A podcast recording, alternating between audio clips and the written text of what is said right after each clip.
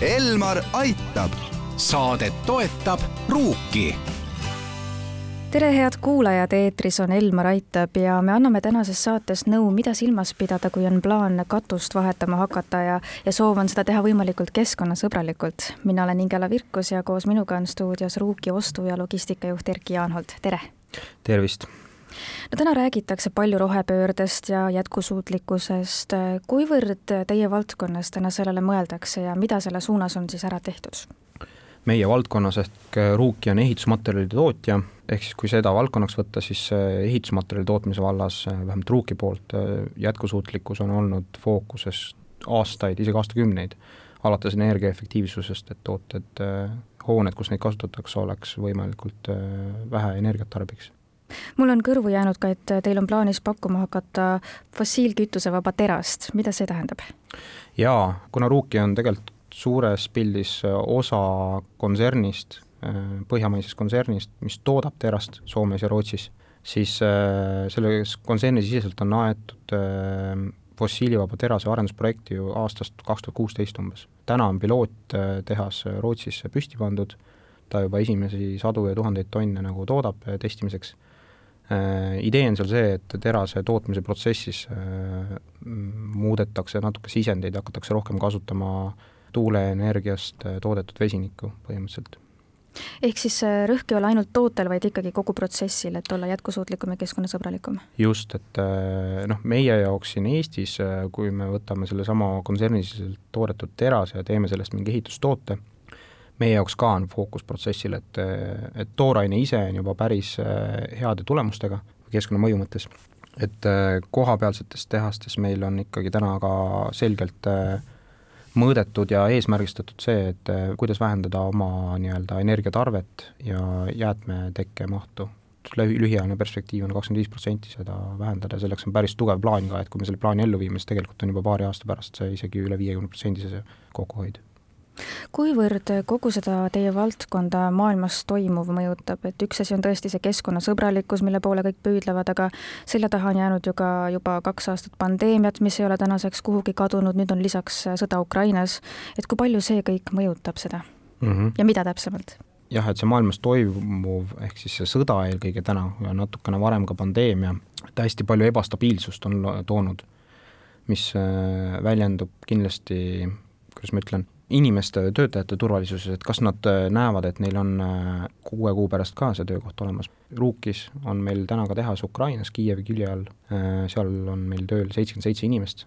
täna küll tootmine on peatunud, neid inimesi me oleme aidanud ümber paikneda päris suures mahus Poola, aga ka näiteks Eestis meil on Pärnus täna, kui ma nüüd kiiresti loen, kaks inimest, et neile pakkuda seda turvalist keskkonda, kus nad saaksid toimetada. aga teisest küljest veel, mis nagu see ebastabiilsus kaasa toob, on kindlasti, mida me igal pool täna näeme, on igasugused hinnarallid. esialgne ehmatus, mis Covid tõi maailmasse, oli ikkagi see, et tootjad ja tehased vaatasid, et nõudlus kaob ära. ja selle võrra siis tõmmati igasuguseid niisuguseid tootmismahtusid maha, et teras, terase tootmise juures kaasa arvatud.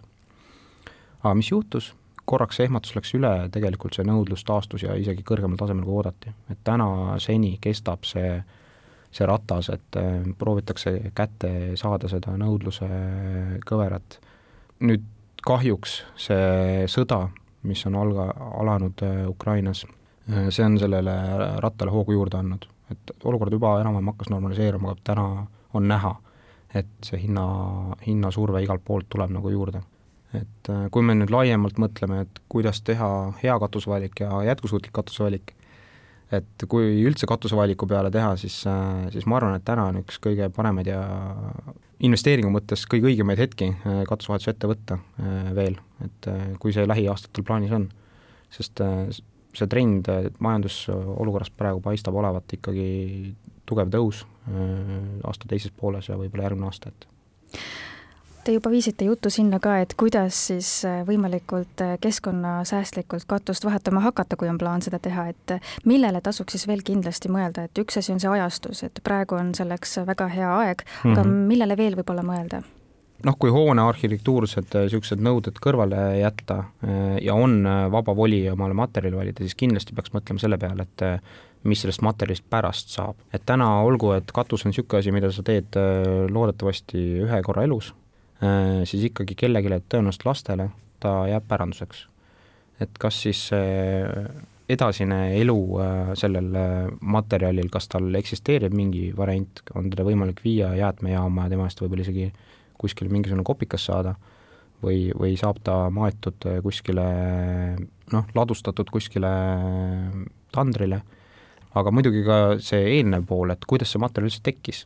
Et kui materjal nüüd kõrvale jätta, siis ka asukoht on ju, et et täna meil on äh, Pärnus tehas, mis Eestit nii-öelda teenindab suht lähedal äh, tarbijatele, mis on oluline, sest seda vähem äh, kulub kütust selle materjali kohaleviimiseks teras on niigi kerge ja suht efektiivselt transporditav, aga aga sellegipoolest, et igasugust niisugust nagu keskkonnamõju ja kulu vähendada, siis nendele asjadele tuleb mõelda igal sammul.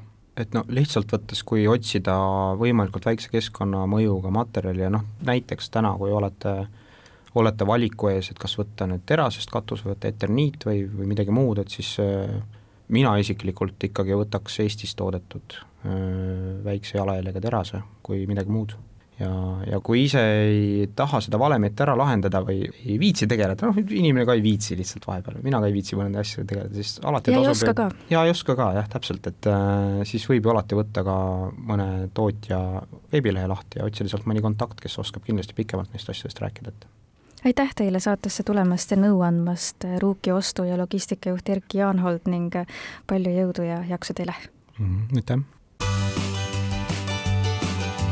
Elmar aitab. saadet toetab Ruuki